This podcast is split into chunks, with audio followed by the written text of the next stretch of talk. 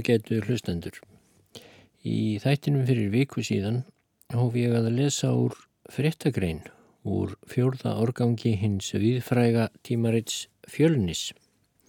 Það kom út í Kaupmannhöfn 1838 og þar tóku þeir vinnirnir Jónas Hallgrímsson og Konráð Gíslason höndum saman og þýttu og tóku saman úr nokkrum heimildum skemmtilegt æfi ágrip einnar helstu þjóðhetju Pólverja, Tadeus Kostjúskós.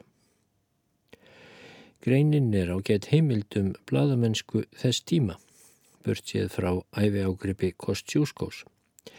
En uh, þeir fjölnismenn höfðu að minnstakosti framan af útgáfu fjölnis tölvert af greinum sem kallam á erlendar fréttir. Og í þessum þætti ætla ég að halda áfram í sama dúr og halda áfram sögunni um Kostjúskó. En svo ég fari í örstutumáli yfir söguna sem leið í fyrirþættinum þá var Pólland eða Sléttumannaland eins og þeir Jónas og Konráð kalla Pólland æfinlega það var í nokkrar aldir eitt stærsta stórveldi Evrópu þótt lít séða þekkt nútildags og var í nánu sambandi við Litáa. Það er réttast að tala um sambandsríki þeirra sléttumanna og Litáa og reist það hæst og var voldugast á 17. öld. En þá náði sambandsríki sléttumanna og Litáa eiginlega yfir allt of stórt svæði. Sléttumenn og hvað þá Litáar sem voru engar fámennir, þeir réði ekki við það til lengdar að halda ríkinu saman og ekki bætt úr skák að voldugir aðalsmenn, lénsherrar, sérstaklega Pólandsmegin, fengu að nánast að ráða því sem þeir vildu ráða og hagsmunur þeirra gáttu alveg eins farið saman við hagsmunni útlenskra stórvelda eins og alþýðu sléttumannalands. Af því er flókinsaga. En hvað sem því líður gráðug nágrannaríki runnu brátt á lyktina þegar sambandsríkið gerðist æveikara er kom nokkuð fram á átjándu öld. Þessi nágrannaríki hefð ördvaksandi Prúsland, Habsborgararíki Östuríkismanna og fleiri og alveg sérstaklega Rúsland tóku mjög að ásælast lendur sléttumanna og litáa og þegar kom fram á miðja átjándu öldina má segja að sambandsríkið væri mjög úr heimi hald, bæði vegna innanlandsdeilna og staðinaðs stjórnarfars. Og þá var sambandsríkið í raun orðið nánast leppiríki Rúslands því rúsakeisarar Rómanofættarinnar völdu í reynd konungin í Pólandi. En í Póland, Póland var ekki erðaríki og einveldi eins og týrkaðist í stórveldunum í kring heldur var kongur kjörinn af samkundu sérgóðra lénsherra. Árið 1764 var Stanislav nokkur Poniatowski til dæmis kjörinn til kongs yfir Pólandi en hann var pólskur aðalsmaður sem hafði það ekki síst sér til ágætis við það kjör að hafa verið um tíma rekkjunautur Katrínar Miklu keisarein í rúsa. Þegar Poniatowski var sestur í hásætið, gekk hann reyndar gegn vilja Katrínar að ímsuleiti og reyndi að ebla sjálfstæði Pólans á ný, en stórveldin í kring voru þá orðin of öflug.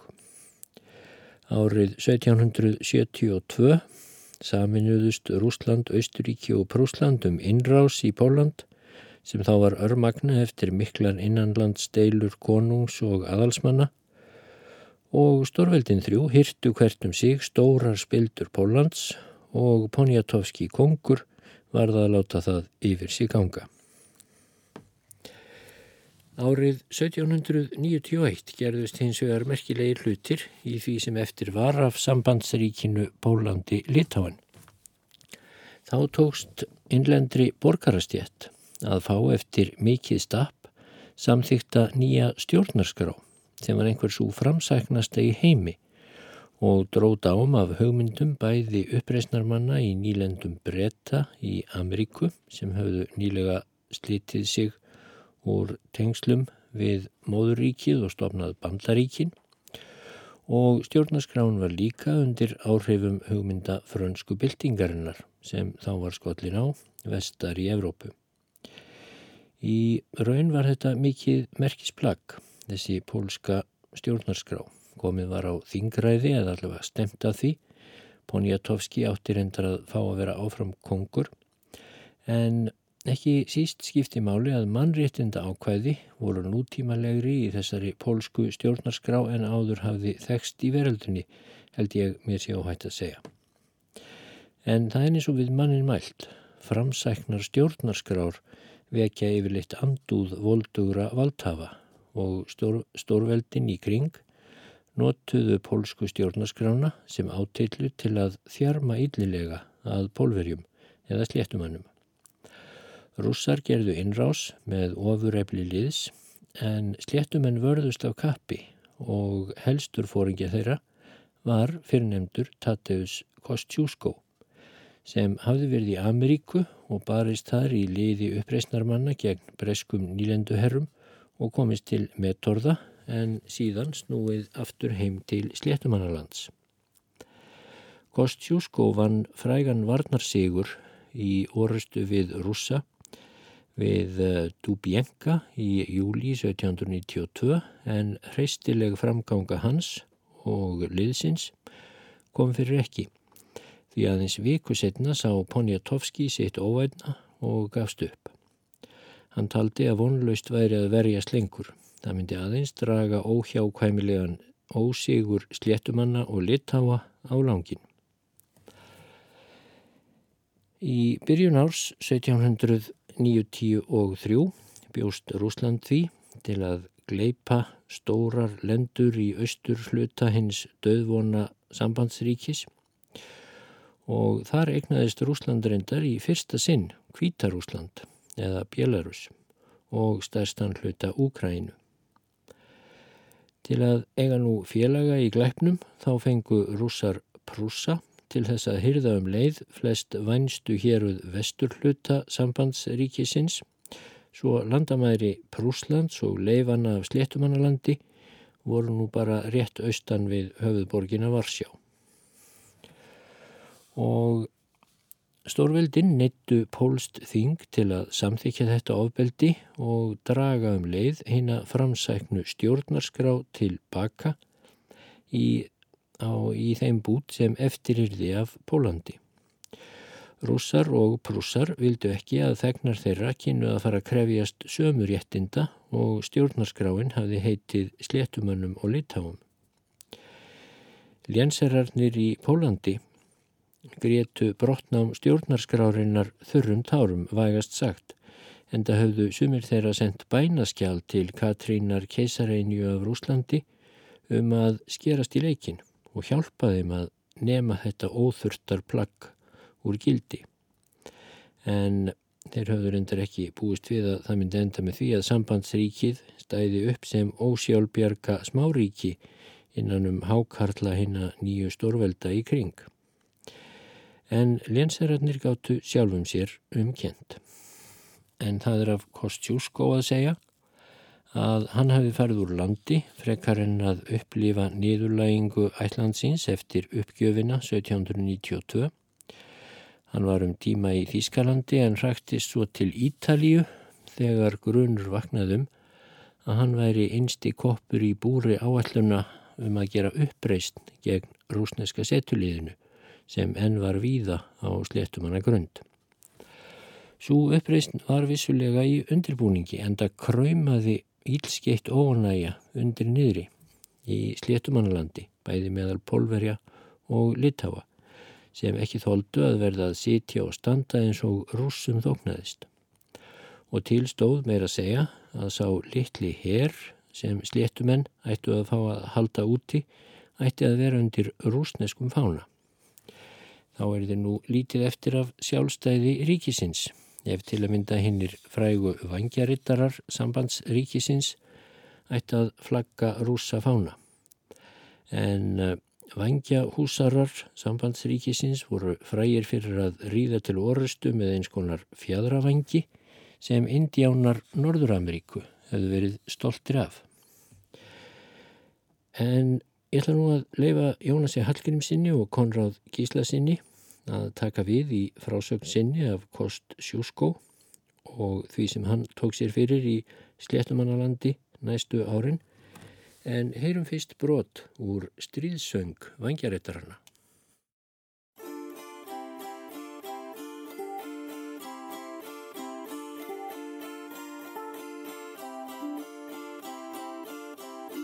Ой, šermukšnio, šermukšnio, kur tu augai tarbalių. Hei, ai, ai, ai, kur tu augai tarbalių. Kur tu augai tarbalių, tarp šių žalių samanų. Hei, hei, ai, ai, ai, tarp šių žalių samanų. Oi, matuši, matuši, kam tu mane auginai?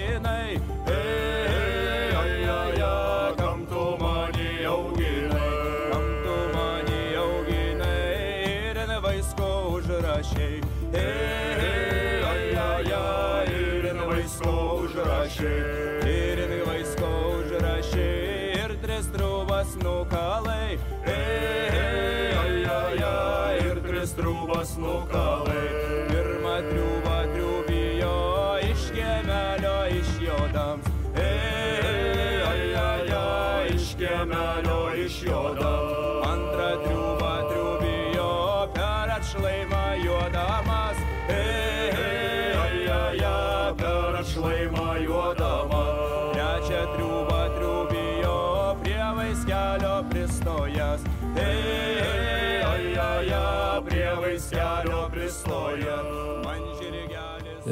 Þessar myndir eða 1793 eins og segir í fjölni þá var sléttumannalandi skipt í annað sinn og var þá sem mestur kurr í landinu en Kostjúskó let sem hann vissi það ekki. Maður hétt Ígulströymur eða Ígelström. Ígulströymur var barón og sendi herra rússa á sléttumannalandi. Hann gaf það ráð að fækka herliði sléttumanna alltaf 16.000 og reka hinn herin undir merki rúsa. Þá laustu upp ófriðinum. Madalinski er maður nefndur er stýrði miklu ryttarliði þeirra sléttumanna. Madalinski var sagt að þeim flokki væri ætluð vist í herr rúsa. Þá tekur hann það ráð að hefja uppreist og höndlar nokkra af fóringjum prúsakonungs, getur náð hersjóði hans og kemst með bröðum undan ígulströymi söður á Sandómýr sveitir og byður lendamenn sem þar áttu bú að þeir sapni liði og frelsi sléttumannaland úr höndum óvinnarins. En lendirmenn báru ekki traust til þess fyrir hinnum útlenda her og ílsku annara þjóða.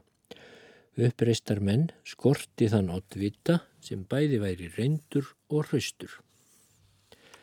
Nú er að segja frá Ígulströymi að hann dregur saman herlið úr öllum áttum og stefnir því liði til varskár. En landsmúgurinn espaðist því meir.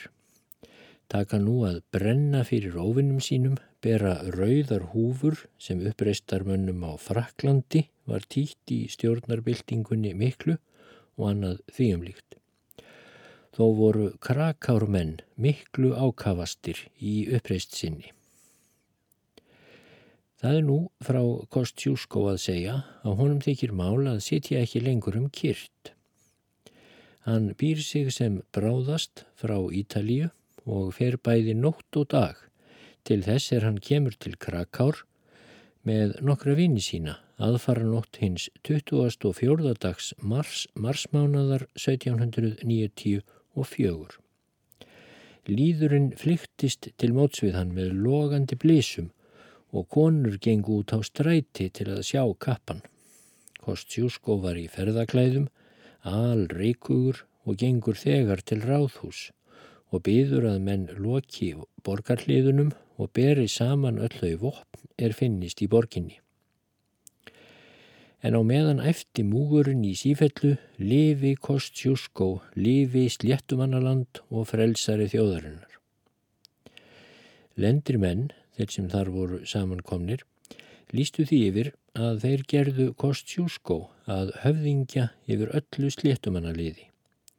Þá var óg samið skjál það er á var að honum voru fengin öll ráð á sléttumannalandi til þess er Stanislás konungur næðist úr valdi rússa en í haldi þeirra var konungurinn, Poniatowski. Undir þetta skjál urðu margar þúsundir manna til að reyta nöfn sín.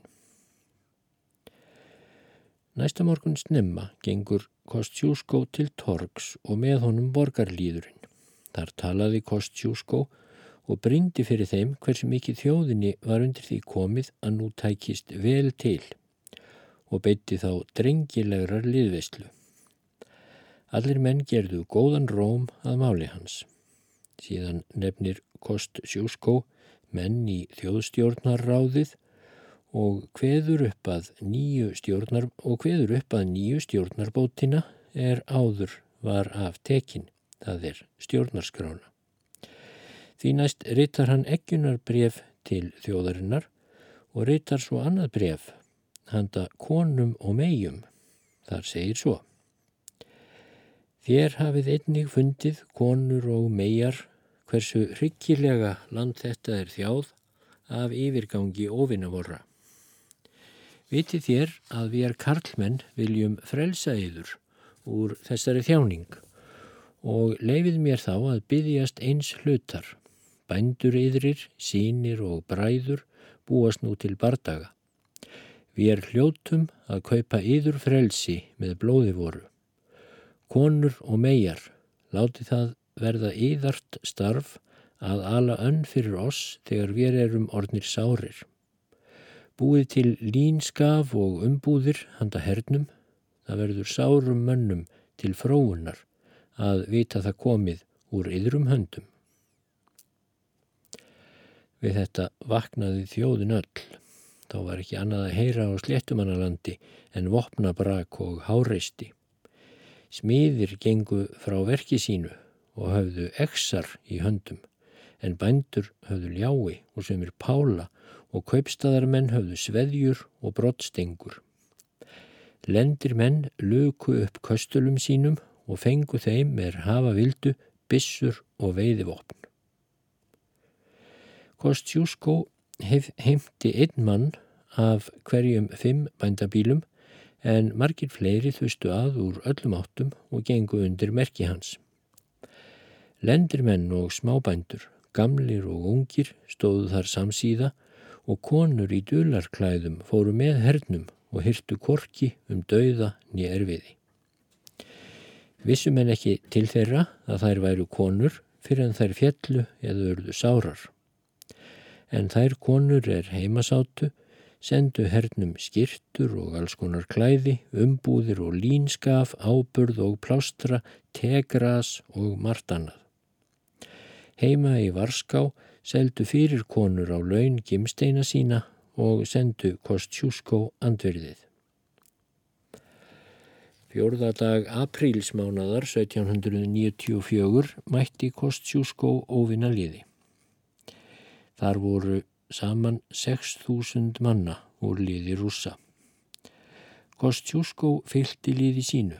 Hann hafði 4.000 liðsmanna og nokkurt lið annað er komið var af sjálfstáðum. Það var líkt vopnað og óvant orustum og öngvar hafði hann fallbissur. Nokkra sveitir af liði rússa réðust á hinn vinstra fylkingararm þeirra sléttumanna og veittu harða atgöngu en urðu þó frá að hverfa. Þá gengur rússar að fylkingar brjóstinu og fór það á sömuleið. Og enn heið þriðja sinn ráðast rússar tveim megin fram og stefna á hvurtvekja fylkingararmin.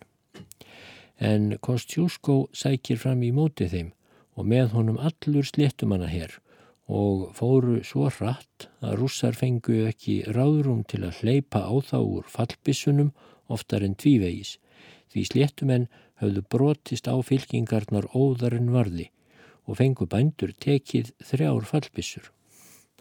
Þá var barist ákaflega um allan herin og fjall margt af hvuru tveggjum var þá bæði að engi bettist gríða en það voru þau þá og engum bóðin. Þá gerðust sléttumenn svo óðir að ekki stóðst við þeim og þó að bændur hefðu ekki önnur vopnin ljá orf og pála þá berjast þeir ekki eða síður með svo mikill í grimd að Kostjúsko og meginherin fær komið rússum á flótta þegar líkur og vinna sléttumenn þar fullan sigur. Tveir bændur eru til nefndir að best höfðu fram gengið um daginn svo að Kostjúsko setti þá efsta í bardagaskýrslunni. Hétt annar þeirra Pavle Glovatski en annar Tómas Svitatski. Þeir höfðu haft ljá orf að vopnum gegn rúsneska hernum. En nú vikur sögunni þar til er Ígulströymur situr í Varská og fréttir hann að landið allt er í uppnámi og sér ekki annað ráð en senda frá sér hermanns í allar áttir. Á þann hátt fækkaði í setulíði rúsa í Varskárborg, svo nafn alltaf 6.000. Þetta þótti borgarmönnum vel að hendi bera og óspekjast þeir æði meir. Maður hétt Volti, höfðingi prússaliðs. Ígulströymur sendir manna á fund hans og byður hann að koma sem skindilegast til liðsvið sig. Og enn heimtir hann af Stanislási konungi, Poniatovski, að hann skipi sléttumannaliði þegar að leggja niður opnin, fá sér í hendur vopnabúrið og púðurkastalan og láti aflífa þá 20 menn sem rúsum þykji ótryggilegastir. Og svo fór að annan dag aprílis samþykti konungur dauðadóm Kostjúskós og félaga hans. Þegar þetta varð bert fyrir alþýðu urðu borgarmenn í Varská æfir, ævari en frá megi segja og svo laukað ígulströymur var það rökkva úr borginni með allan rússa herr en fallið áður margt manna af hverju tveggjum eftir harða allögu. Þetta varð tíðinda þriðjutaginn seinasta í vetri eða 17. apríls. En er Kostjóskó var þess vís, þá bregður hann við sem skindilegast og fer heim til Varskár með liði sínu. Herin ógs dag frá degi og fór svo fram nokkra mánuði að vel þótti áhorfast um mál sléttumanna. Meðan þetta fór fram réð Kostjúsko einn öllu á sléttumannalandi með stillingu og viturleik og síndi það jafnan að hann var réttvís og hjartaprúður og gætti sans hvað sem á eftir færi. Má hér nefna til eitt dæmi. Það var til einhverju sinni að einn herrflokkur sléttumanna hafi fengið ósigur í orustu. En er þau tíðindi komið til Varskár, þá vildi skrillin hefna þess á þeim mönnum er áður voru grunaður um landráð og í fangelsi höfðu verið settir, fer nú skrillin æpandi um stræti borgarinnar, reysir gálka og dregur þá úr fangelsi kurn með öðrum. Kostjúskó var ekki í borginni er þetta gjörðist. Þá eruðu til góðgjarnir menn og vildu sefa skrílin en þess var engi kostur. Síðan var farið eftir böðli, hann hvaðst ekki myndu vinna það að glæpa verk, að hengja menn ódæmda.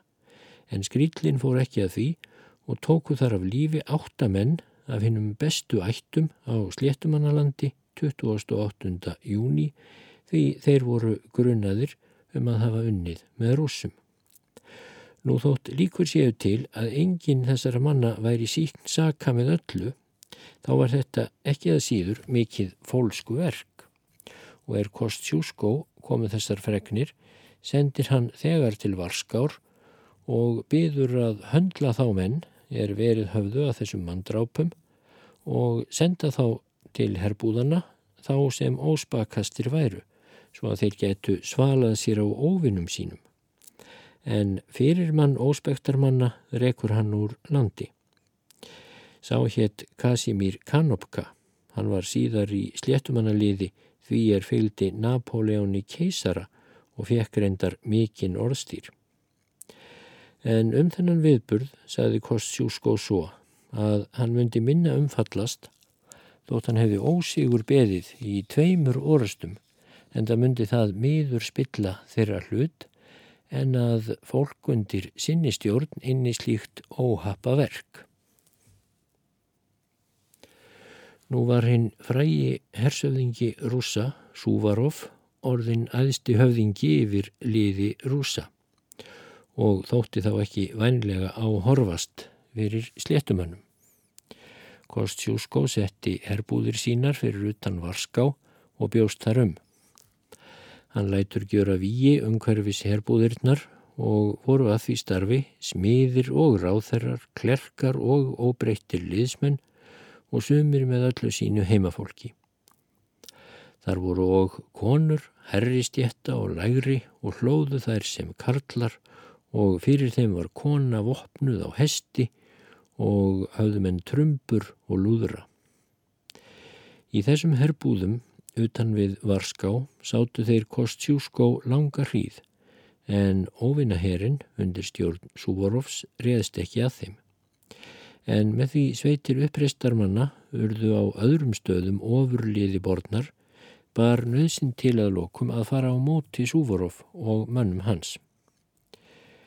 Um mikjálsmessu um haustið fer Kostjúskó með 20.000 manna lið yfir ána Vassjál og er þeir komu yfir ána talar hann svo fyrir liði sínu. Hraustir drengir og góðir félagar. Er það enn vilji eðar allra, ekki síður en minn, að vinna sigur eður falla að öðrum kosti. Ef sá er nokkur yðar á meðal að ekki sé örugur, gangi þá sá úr fylkingu, leggji niður vopnin og fari heim í friði. Þessu máli Kostjúskós varð enginn til að svara og enginn maður bærði sig í öllu líðinu. Þá tekur Kostjúskó aftur til orða. En, segir hann, heiti ég yfir því að við þau völd sem ég hef í líðu þessu að hver sem ekki er einráðin skal fá heimfararlefi.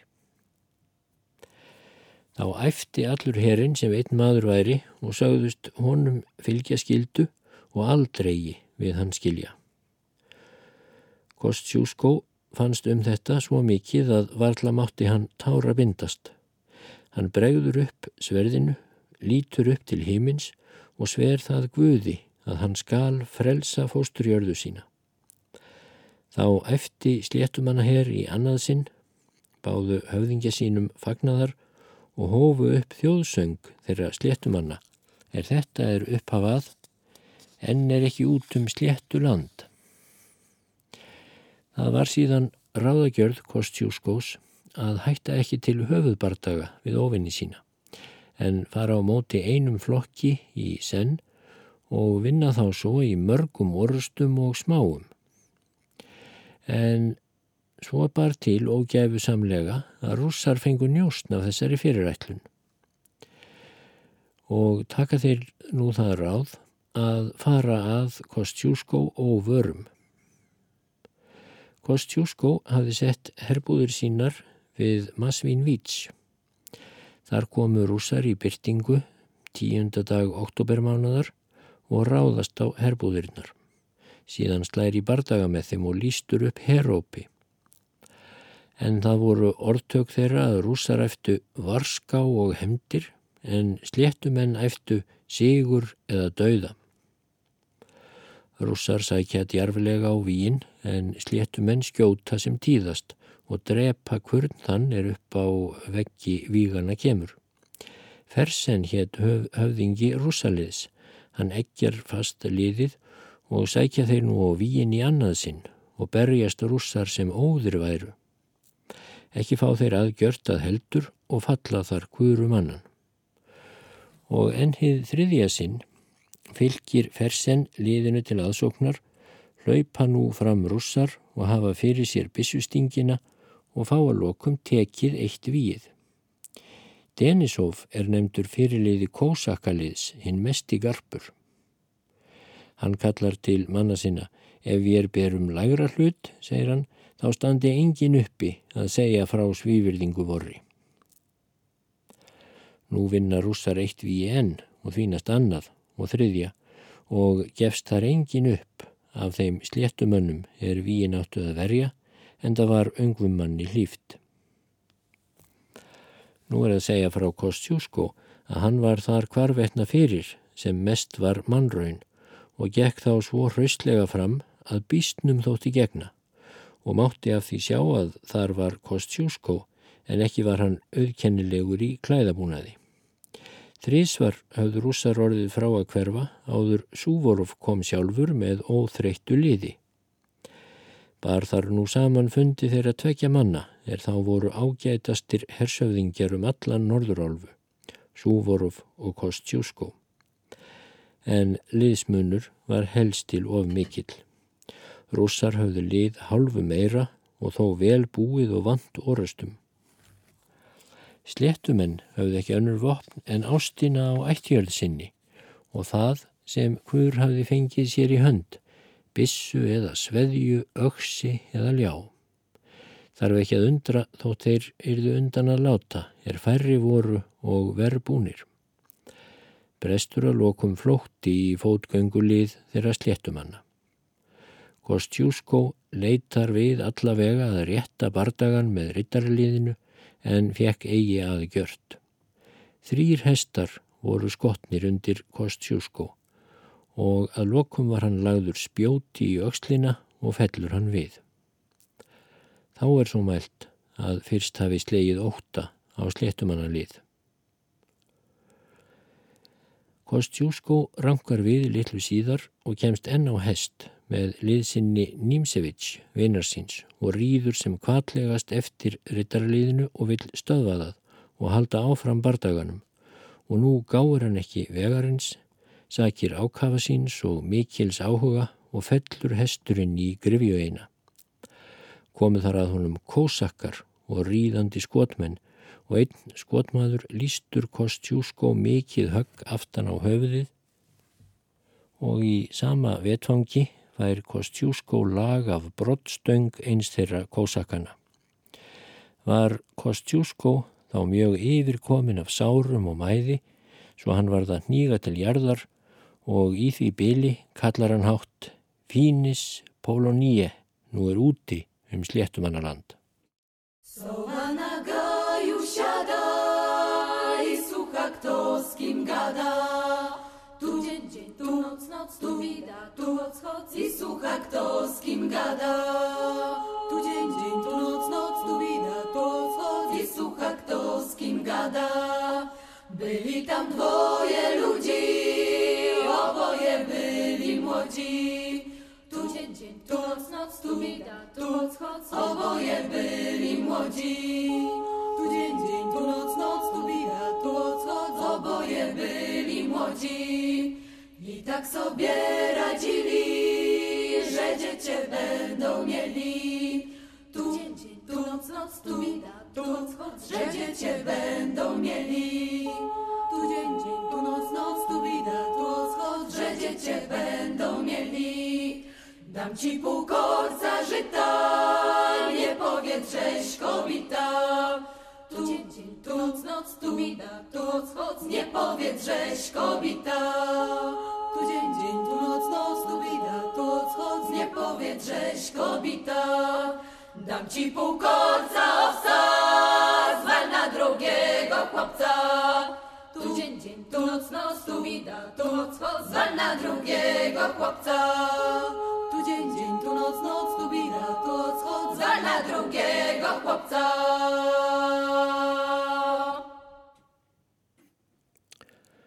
Þau orð Kostjúskós að nú væri úti um sléttumanna land voru endur tekinn yfir allt landið. Nú spyrst það til Varskár að Kostjúskó hafi verið handtekinn og það með að hann sé látin. Félst borgarmönnum við það allur hugur og hörmuðu það meir en fráverði sagt. Og svo segja þeir menn, er þar voru þá stattir í borginni, að á marga slægi mikill í sótt er áður væru lít krankir og sumir yrði vitstóla en þungaðar konur fætti börn sín ófull aldra. Konur og karlar runnu um stræti borgarinnar, letu hörmulega, börðu höfðum á múrana og eftu af mikilli örvilnun Kostjúskó er dauður, nú er útséð um móðurland vort. Og svo var þók, því ekki var liðin einn mánuður frá þessari orustu áður Súvorov hafði tekið Varská og unnið allt sléttumannaland. Vetri síðar komu Stanislási Poniatovski konungi bóð Katrínar drottningar í Rúslandi að hann legði niður konungdóm og svo gjörir konungurinn. Þá lögðu rússar, prússar og austuríkismenn undir sig allt sléttumannaland og skiptu því með sér sem kunnugt er orðið. En nú er að segja frá Kostjúsko að hann er fenginn til gæstlu liðsmönnum nokkrum og farið með hann vægðar samlega. Svo hafði Kostjúsko látið mikið blóð í orðstunni að hann vissi ekki til sín í fyrstu. Ekki vildu læknar að sár hans væru bundin fyrir hinn næsta dag svo þau mætti ekki taka sig upp og yrði það hans bani. Hann var að lokum fluttur til Pétursborgar. Þá var Katrín drottning hinn reyðasta og byður að setja hann í kastala Péturs og Páls sem var íllræmt fangelsi og hafa hann þar í örugu varðhaldi. Þar var Kostjúskó geimtur, til þess er Katrín drottning andaðist undir árslokin 1790 og 6 rúmu ári eftir atbyrðu þessa. En þá kom til ríkis Páll Keisari, sonur hennar. Hann gekk þar til er Kostjúskó var í fangelsinu og með keisara voru tveir eldstu sínir hans. Pál keisari gaf Kostjúskó laust og tók svo til orða Takk við sverði þínu, hersöðingi, en heit mér því að bera það ekki móti rúsum. Það er sögn sömra manna að Kostjúskó vildi ekki taka við sverðinu og segði svo, nú þarf ég ekki sverð er ég hef mist ætt jörðu mína. En þá spurði keisarin Kostjúskó hvort hann ætlaði ferð sína. Í vesturheim, segir hann, og vitja þar félaga minna og góðs orstýrs. Góðst sjúskó þá af keisara 1500 bænda og er keisarin vissi ætlun þeirra félaga Kostjúskós og Nímsevits að eitt skildi yfir þá líða Þá gaf hann Nímsevits líka lausn en hann hafði jafnframt verið í haldi rúsa og færði honum þar með þúsund bænda. Keisari bauð að gefa Kostjúskó 12.000 rúblur og gera hann að hersöðingja sínum í rúsaherr og skildi hann hafað launum 6.000 rúblur hvort misseri en það bóð þekktist Kostjúskó ekki sem von er. Nú fer Kostjúskó með Nímsevits vini sínum vestur til Englands og var þar vel og vingjartlega við honum tekið enda þótt hann hefði barist á móti englum í vesturheimi sem áður er á vikið. Frá Englandi fór Kostjúskó í vesturheim og fekk hann þar alla hinn að sömu sæmt í viðtökum og yfirlæti og síðar Lafayette sem verið hafði fyrirmaður hans í liði vesturólfumanna sem áður er sagt. Þjóðfundarmenn sambandsríkjana síndu honum þakklæti sitt á þann hátt að þeir ætluðu að honum mætti best koma útlægum, útlægum manni og félittlum og greittu þeir kostjúskó, laun hans með leigu en þá voru ógreitt svo árum skipti en hann hafði verið í herr sambandsríkisins. Þarðu ekki gáðu þeir Kostjúskó svo mikið fjö að hann geti goldið upp þá peninga sem rúsakeisari hafði fengið honum. Kostjúskó fekk því fegins hendi og sendi rúsakeisara aftur fjöð sem hann hafði fengið hjá honum og byttist um leið að skila aftur öðru því sem hann hefði þegið af rúsakeisara og þar með þeim 1500 bændum eða þrælum sem fyrir voru nefndir og hvaðast ætla að hafa sér til framfæris það sem hann hafði aflað með sæmt þar í vesturheimi. Svo var mikill orðstýr Kostjúskós að mælt er að fræð hans væri komin til hinna rauðu villithjóða í vesturálfu er hafast við á skóum og eðimörkum og er þetta sagt til sannindamerkis. Einn af höfðingjum þessara villithjóða er kallaður var Skjaldbakan Littla var um þærmundir í Fíladelfía og einhverju sinni kemur hann í heimbóð þar sem voru stjórnarmenn nokkrir og herfóringjar og talað var um afdrif sléttumannalands og fláræði Katrínar rúsadrottningar. En skjaldbakan litla sprettur þá og fætur, æðir um stofuna með mikillir reyði og skekur öksi sína, svo mælandi. Herr Kjerling Sú hefði mátt láta sér skiljast hverju maður þessi sem er vinur minn muni fá til leiðar komið.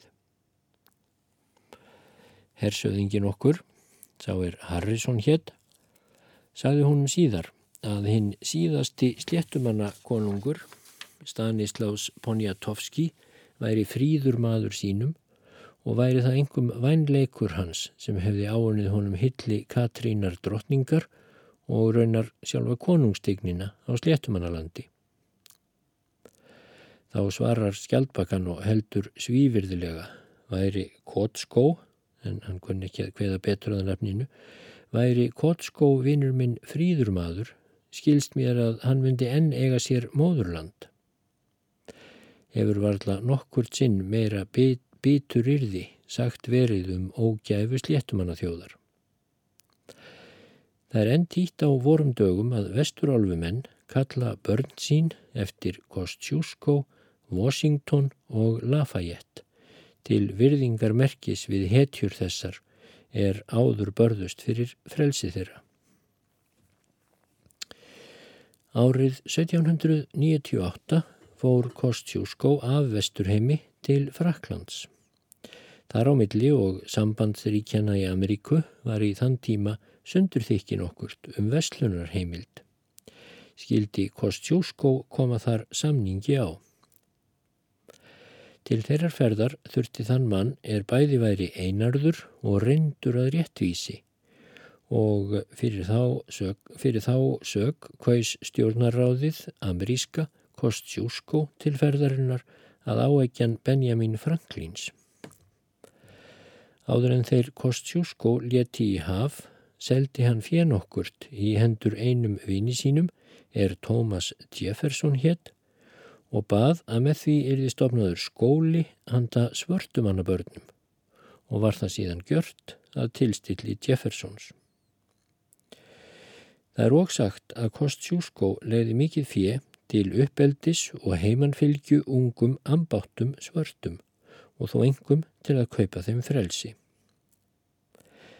Þegar til Parísarborgar kom var gjörði í mót Kostjúskó veistla virðuleg er að voru 500 manns og mæltu menn þar fyrir skálum. Þau fyrirmælu fylgdu henni fyrstu skál að árna sléttumannum frelsis. Þá stóð upp sá maður er Bonnevil hétt og tók svo til orða. Frelsinu er óhætt úr því kost sjúskó er komin til Norðurálfu. Þessi orð fengu svo mjög á kost sjúskó að hann torfeldi. Hann leitaði að svara og byggja sig undan slíku oflofi og mæla fyrir skálum frelsi frakka en í því byli reys upp allur boð, boðsmanna múgurinn og drukku minni tára Kostjúskós. Nú dvelst Kostjúskó í Parísarborg um skeið. Ekki rækti hann heimboð hinn að útlendu sendiherra en leitaði viðurkenningar þeirra manna er hann vissi vera afbræð annara í stjórnarefnum eður vísindum. Í einu samsæti komst hann í kunningskap við þann mann er Tseltnir hétt, sendi herra af Svissaralandi. Gjörðist þar brátt mikil vináta þeirra í millum og fór Kostjúsko til hans og var með honum. Seltner varð síðar að segja af sér ennbætti sínu og þóla margskonar skort á samt fjölskyldu sinni en Kostjúsko sætti með þeim sérkvöri örbyrð og áhyggju. Það var yðja Kostjúskós meðan hann var á heimili Seltners að hálfum degi varði hann til að yfka vísindi sjálfur en öðrum helmingi dags til að kenna börnum Seltners vinnarsins. Napoleon Bonaparte er þá var æðsti ræðismadur frakka tók Kostjúsko með virtum og taldi hann á að gjörast herfóringi í liði frakka en hann neytti því. Þá bauð Napoleon að taka Kostjúsko í ráðið í Fraklandi en Kostjúsko svaraði hvað ætti ég að hafa stað þar? Þá er þjóðríki frakka var breytt í keisaradæmi þá margur lensmanns nafn er áður var ótígin og einhverju sinni spurði Kostjúsko kunningja sinn einn úr ráðinu hvað hann ætti að kalla hann. En sámaður svaraði, ég er einn vaksmóli, segir hann, í hendi hátegnarinnar Napoleons. Kostjúsko bauð svo við þessu svari að hann mátti ekki sjá þann mann framar.